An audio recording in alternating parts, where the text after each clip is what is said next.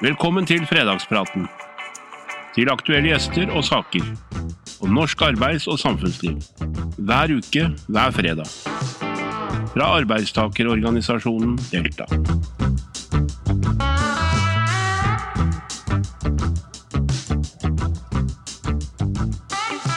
Han eh, kom til Norge som flyktning sammen med familien sin. Opplevde det verste som mange i Ukraina nå opplever, nemlig å flykte fra sitt land pga. terror. I dag er han i henhold til Grunnloven nummer to i kongeriket etter Hans Majestet Kongen. Derfor er det en stor glede å ønske stortingspresident Masud Gharahkhani velkommen til fredagspraten. Hyggelig å være sammen med dere. Tusen hjertelig takk for at du tok deg tid, Masud, i en vanskelig og ganske aktiv tid. Lizzie, du har uh, ikke møtt Masud før, men uh, det er ikke noe dårlig toppmøte dette her. Lederen i Delta og stortingspresidenten som skal snakke litt om vår tids utfordring. Og Masud starter med deg fordi vi er jo nå inne i en uke hvor det verste har skjedd i Europa, med en krig i Ukraina etter en aggressiv russisk eh, invasjon. Og vi vet ikke nå hva som skjer time for time, vi vet ikke tallene, vi bare antyder at det er millioner av flyktninger. Mange er drept, vi vet ikke de offisielle tallene. Det er en konflikt med mange politiske anspenninger. Du har en veldig sterk personlig historie som menneske, og nå sitter du i landets nest høyeste stilling i et av de landene som nå skal yte militær bistand til Ukraina. Hvordan, hvordan er det å være stortingspresident og deg i disse dager? Du vet, eh, det var vel i forrige uke så var jeg på NRK. Da var det vel eh, i forbindelse med at Hans Majestet fylte 85 år. Og da fikk jeg spørsmål om at visste du det, at både Hans Majestet og du har opplevd å være på flukt. Og det har vi jo begge to, og vi har hver vår selvfølgelig historie. Men det betyr jo at mange av oss har jo opplevd hva det å være på flukt er, og at vi aldri må ta frihet og demokrati for gitt. Det var i forrige uke. Eh, da var det liksom starten. Og nå ser vi jo at det er bomberegn, det er livredde barn, eh, det er alvorlige brudd på folkeretten. Det er et folk som kjemper for frihet og demokrati, og det er i Europa. Så det er en ganske alvorlig situasjon, men jeg er glad for det, at et storting har jobbet eh, godt sammen med regjeringen, og at Norge nå både skal yte humanitær støtte, man også sender militærutstyr, og det er viktig signal å gi, da. Mm. Merker du med din egen historie hvor vanskelig det må være for alle de hundretusener, kanskje nå nærmere millioner, som flykter vekk fra Ukraina, og den reisa de kanskje skal ha på vei til Norge. Kjenner de deg liksom emosjonelt inn i det livet mange av disse opplever nå? Det gjør jeg på mange måter. Altså, jeg sier jo at de få minnene jeg har fra barndommen i Teheran, da, eh, og det er ikke noe godt minne, det er at vi måtte løpe fort ut i gatene fordi sirenene gikk midt på natta. Og jeg måtte i armene enten til mor eller far eller bestefar, da. Eh, og det var det daglige bomberegnet over Teheran, det var under krigen Iran og Irak. Og når disse bildene kommer, når du hører lyden, du hører unger som skriker og er livredde, så går du jo tøft inn på mann. Og så er det jo slik at dette er i Europa, da, så det kommer veldig nært på. Og det er ingen tvil om det at det som skjer nå, er jo den uh, største hva skal vi si, sikkerhetspolitiske utfordringen vi har hatt da, uh, siden kalde krigen, og det er ganske alvorlig. Mm. Ja, Lisi, alle er jo berørt av det som nå skjer i krigen mellom Russland og Ukraina. Hva reflekterer du, og hva, hvordan tenker Delta og YS for den saks skyld rundt denne situasjonen? Nei, jeg tror vi tenker som resten av norske folk, ja, det er jo helt grusomt. Det går liksom ikke an å forestille seg engang, og man kan slenge ut av seg ord og uttrykk, men, eh, men eh, man kan også kjenne på at det de gjennomgår der nede, og de bildene vi ser, og de Ja, det treffer jo rett i hjertet, så at eh, du, du, du må la deg bli berørt av dette her, og det er Det fins egentlig ikke ord for det, tror jeg, det er bare helt forferdelig. Helt forferdelig uavhengig egentlig hvor det er, men eh, mm. Og i tillegg så føler man kanskje på frykten at det er nærme også. Eh, eh, så mm, Nei, det er, det er helt grusomt. Jeg har egentlig ikke noe ordentlig ord for det, for jeg tror vi egentlig alle kjenner på det samme. Men vi har nå Vi er jo glad for at Norge bidrar, og at dere har tatt standpunkt som politikere. Og senest denne uken her så har jo også vi i YS fattet vedtak om å gi økonomisk støtte til eh, blant annet til flyktningruter, som eh, vi kommer til å bli avhengig av nå. Vi kommer jo til å se mennesker som trenger hjelp og er i nød og må forflytte seg. Eh, I tillegg til alle de som står midt oppi det og midt inni det og verken kanskje kommer ut eller inn.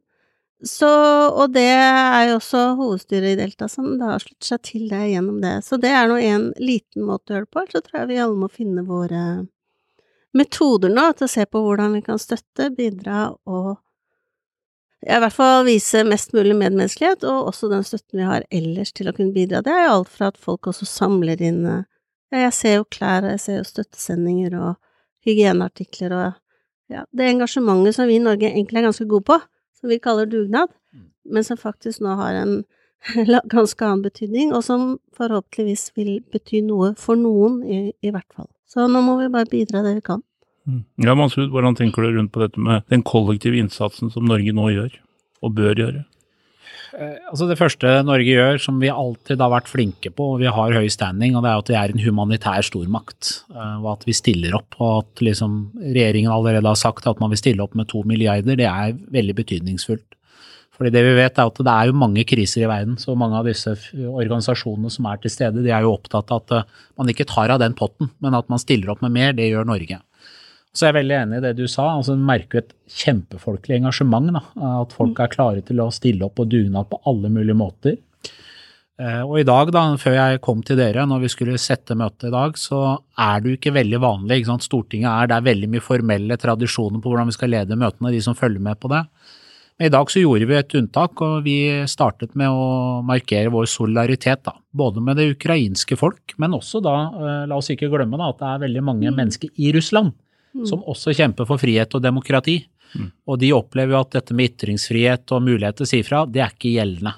Så, så det gjorde vi med ett minutts stillhet, og det syns jeg liksom er, det viser det flotte da at vi nå kollektivt stiller opp, uansett hvilket parti vi tilhører, og alle mennesker og, og frivillige organisasjoner for å vise solidariteten med det ukrainske folk. Det er en fantastisk akse liksom fra at FNs generalforsamling satte ekstraordinært møte på første gang på 40 år Mm. tidligere denne tirsdag, mandagen i denne uka, Absolutt. med ett minutts stillhet, og Stortinget gjorde det samme på tirsdag denne uken, under din ledelse. Mm.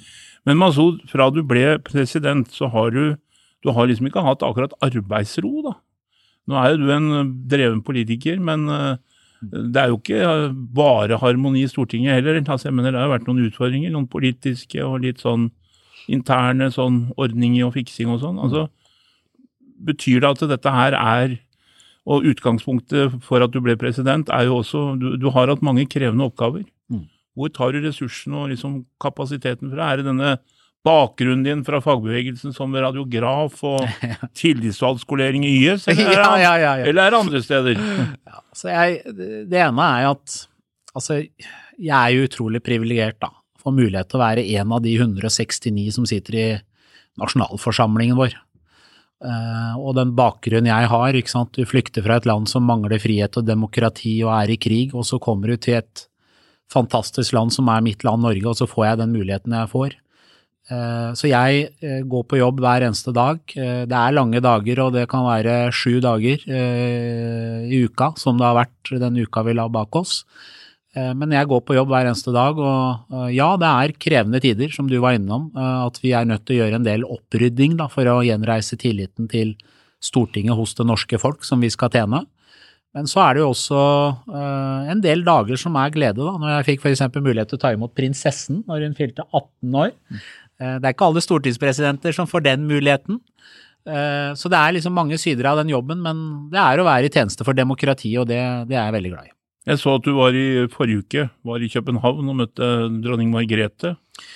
Det var jeg. Jeg var i Altså, nå har det jo vært to år hvor det har vært veldig liten, eh, lite tid til, eller liten mulighet for å reise rundt, så nå fikk jeg endelig mulighet til å gjøre det. Og da tenkte jeg at det er naturlig at den første offisielle reisen jeg gjør i min rolle til utlandet, det er da til Sverige og Danmark. Så det gjorde vi, og det var veldig bra. Og da er det jo sånn at når jeg kommer dit, da, siden jeg er nummer to, eh, så skal jeg da både ha selvfølgelig møte med mine kollegaer i Riksdagen og Folketinget, men jeg skal også da innom og få audiens hos både kongen i Sverige og da dronningen. Og det, det var en opplevelse. Så Nå har du gjort unna liksom alle tre skandinaviske monarkier i løpet av en uke. Ja.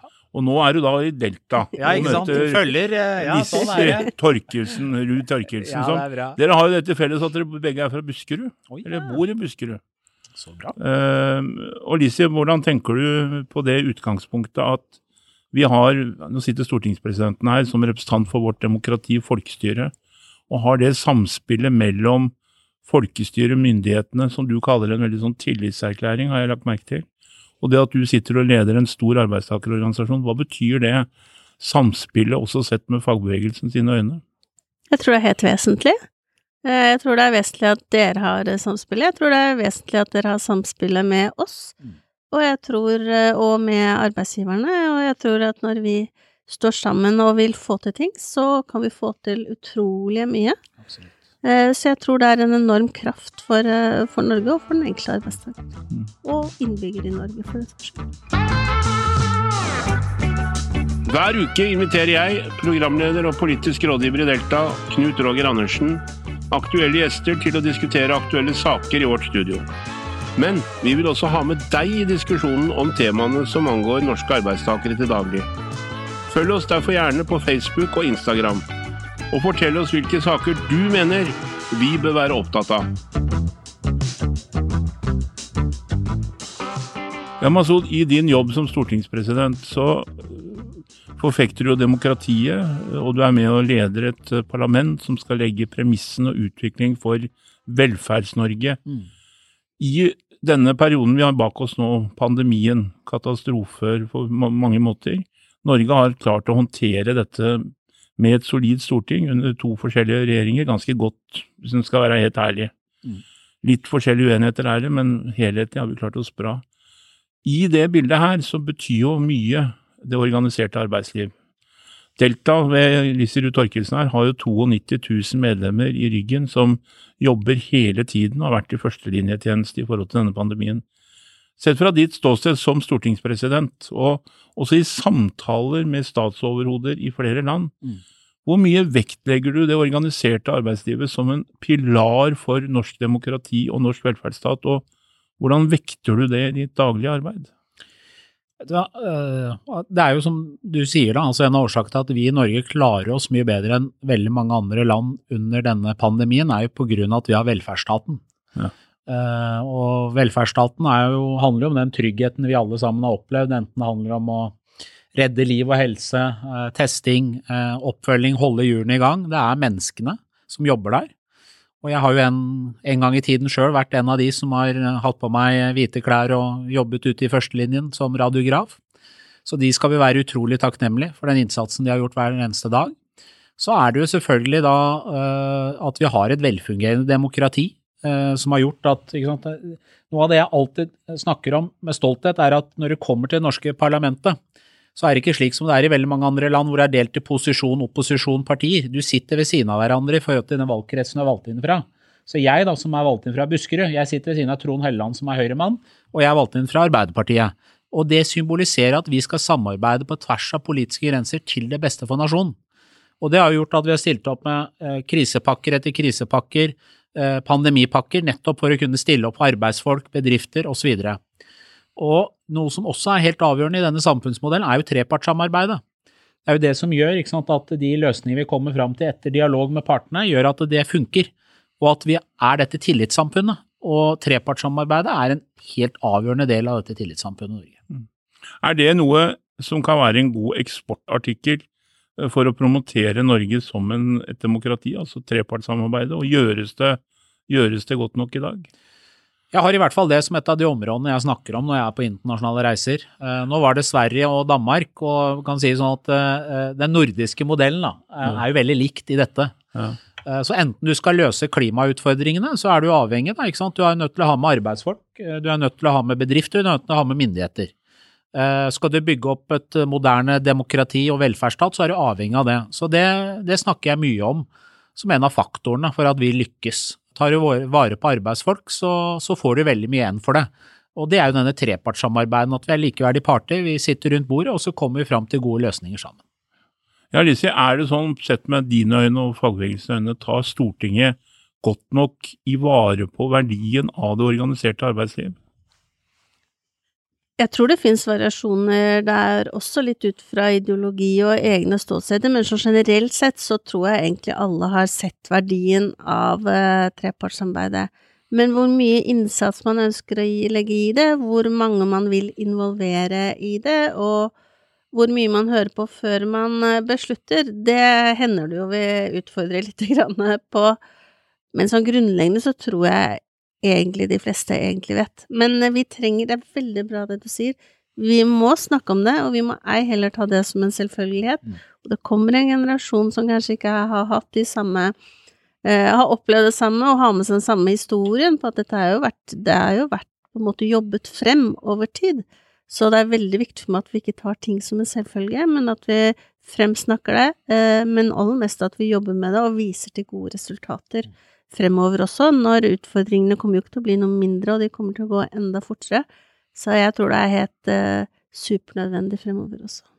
Ja, Masud, vil du ikke tenke at nettopp det når Lizzie snakker om, nemlig betydningen av at kommende generasjoner forstår at de resultater, den velferdsstat, det demokrati vi har i dag, det er ikke kommet av seg sjøl. Mm.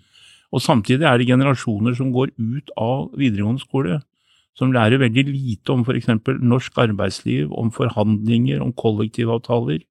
Kanskje er det faget eller kunnskapen om det organiserte arbeidsliv blitt forvirret eller forvitra i forhold til kunnskapsnivå? Er det en politisk utfordring som Stortinget bør ta som en del av en langsiktig demokratibygging, og sikre kunnskap om det organiserte arbeidsliv?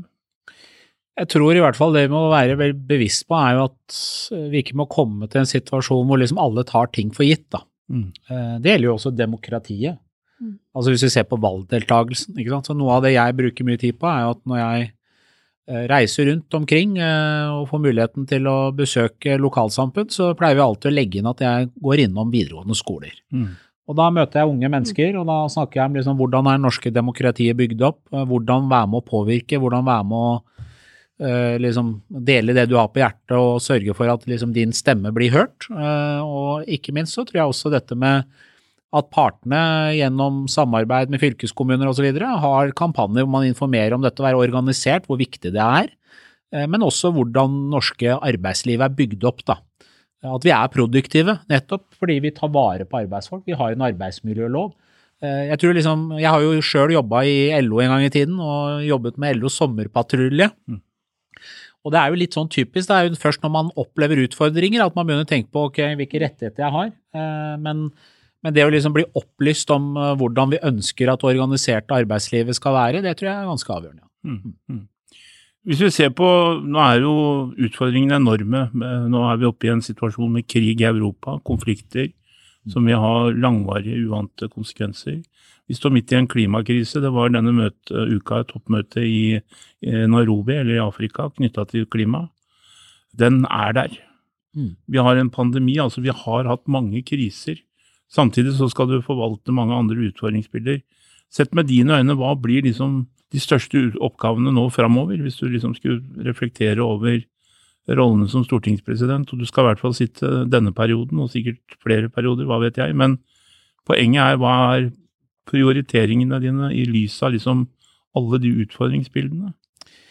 det er jo å holde fokus på det Norge er god på.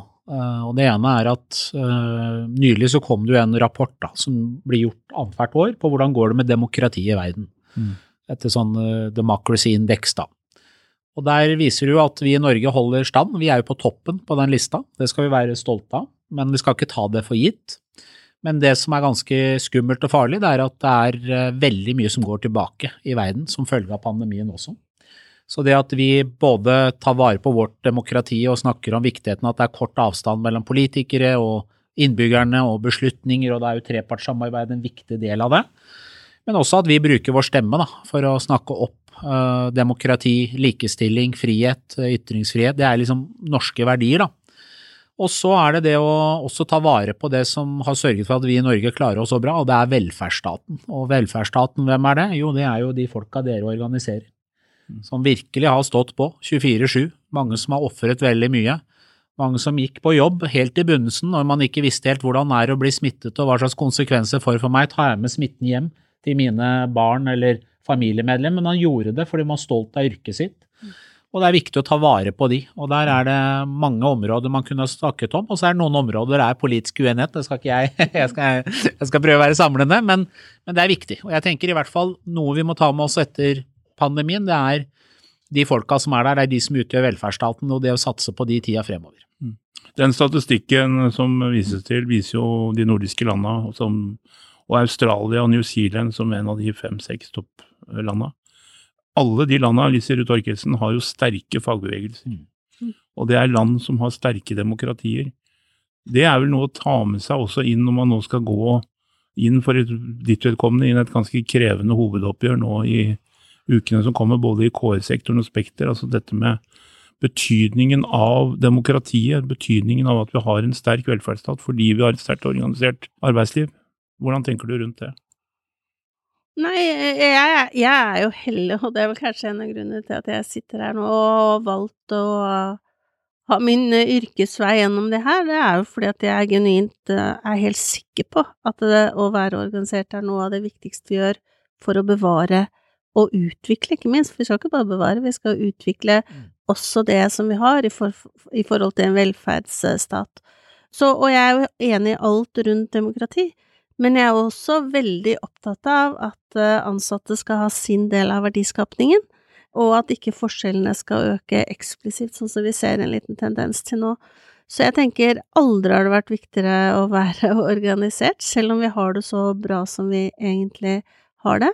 Og jeg er helt enig med deg, jeg tror vi enda Det er veldig bra at du reiser rundt, da, men jeg tror likevel at vi bør sammen se på eh, hvordan vi skal få det Gjerne på en veldig nøytral måte, men inn i skoleverket i større grad, for vi ser jo at uh, altfor mange ledere kommer jo ut og kjenner veldig lite til historikken, og også til hvordan vi har bygd opp utover arbeidsmiljøloven nettopp gjennom avtaleverkene som vi sammen har lagd for å skape det best mulig. Så det er et potensial å bli enda bedre her. Mm. Masud og Lizzie, dere har jo faktisk en lik historie. Begge to har jo jobba i helsevesenet. Lissi som helsesekretær, legesekretær. Du som radiolog. Begge på sykehus i Buskerud, stemmer ikke det? Jeg begynte på Rjukan sykehus, og så var jeg bort, over på Kongsberg sykehus. Ja, mm. Og Lissi var på BSS, som det het den gangen. I Drammen. Så det er jo det er, Han sitter presidenten i Stortinget og lederen i Delta fra Buskerud. Det, det er noe der. Men avslutningsvis, Masud, det kan være mange som hører på denne podkasten. Mm som ser denne sendingen, som eh, er medlem av Delta. Og eh, fra ditt ståsted, hva, hva, har du lyst til å si til dem som en refleksjon over den jobben som nå har vært gjort under pandemien for mange, fra ambulansearbeidere, barnehagepersonell, folk innenfor helse- sosialsektoren, alt fra helsefagarbeidere eh, osv., som har stått i førstelinje. Har du en hilsen til dem på tampen? Det har jeg. Først og fremst tusen takk for den jobben dere har gjort. Eh, dere har eh, virkelig fått frem hvor viktig både velferdsstaten er, men eh, hvem som også er førstelinjen i velferdsstaten. Og mange som har reddet liv og helse, holdt hjulene i gang. Og jeg håper at den lærdommen vi tar med oss fra pandemien, er at vi satser enda mer på de flotte arbeidsfolka som jobber der ute. Mm. Det er ikke noe dårlig attest fra stortingspresidenten ved innledning til årets lønnsoppgjør, Lise Ruud Arkelsen? Nei, det er veldig bra. Uh, og vi skal gjøre mange ting uh, fremover. Vi skal både prøve å håndtere det rundt en krise og en krig i Europa. Vi skal se på lønnsoppgjøret, men aller mest så skal vi også ta oss ta vare på våre medlemmer og den delen av verdiskapningen som skjer, og der skal jeg i hvert fall gjøre mitt i årets lønnsoppgjør. Masud og Lissi, det er fredag. Eh, hva gjør stortingspresidenten i helga? Altså Det jeg har bare lært meg, er at jeg veit egentlig ikke hvordan de neste timene er i forhold til møter og sånn, men Nei. Eh, jeg håper jo da at det er gullrekka og taco og, og tid med familien, da. Mm. Ja, jeg skal ikke spørre tilbehør til tacoen, det er en privat. Torkildsen, hva gjør du i helga? Nei, altså jeg skal bare innrømme tacoen med en gang på fredagen. Den er uh, ganske hellig. Nei, jeg vet jeg, Bare sammen med mine.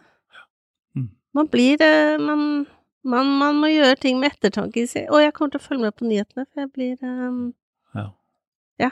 det engster, det engster meg. Ja. Ja. Masud og Lizzie, tusen hjertelig takk for en uh, fantastisk uh, fin uh, samtale mellom to Buskerud-beboere. For det har jo nå, dere har vunnet tilbake Altså, Der følger man jo folkeavstemninger i Buskerud, mens i Innlandet så er det litt mer fleksibelt, Masud. Det er en annen diskusjon. Men tusen hjertelig takk. Vi ønsker deg lykke til. Jeg må si vi er, du, er, du er et forbilde for vår tid og vår, eh, vårt land. tusen takk. Eh, Og det er et privilegium at du har valgt å i denne uka Mm. komme hit som stortingspresident. Det setter vi veldig pris på. Veldig hyggelig å Setter veldig pris på deg som har hørt på eller sett på, og ønsker deg en god helg. Ta vare på familien din, og som Lissi sa, det er ålreit å være sammen sine egne i en vanskelig tid. God helg, og takk for i dag. Takk for at du lyttet til Fredagspraten. Hvis du har lyst til å vite mer om Delta, så kan du besøke vår hjemmeside www.delta.no, eller også finne oss på sosiale medier. Du finner lenken i episodebeskrivelsen. God fredag og god helg!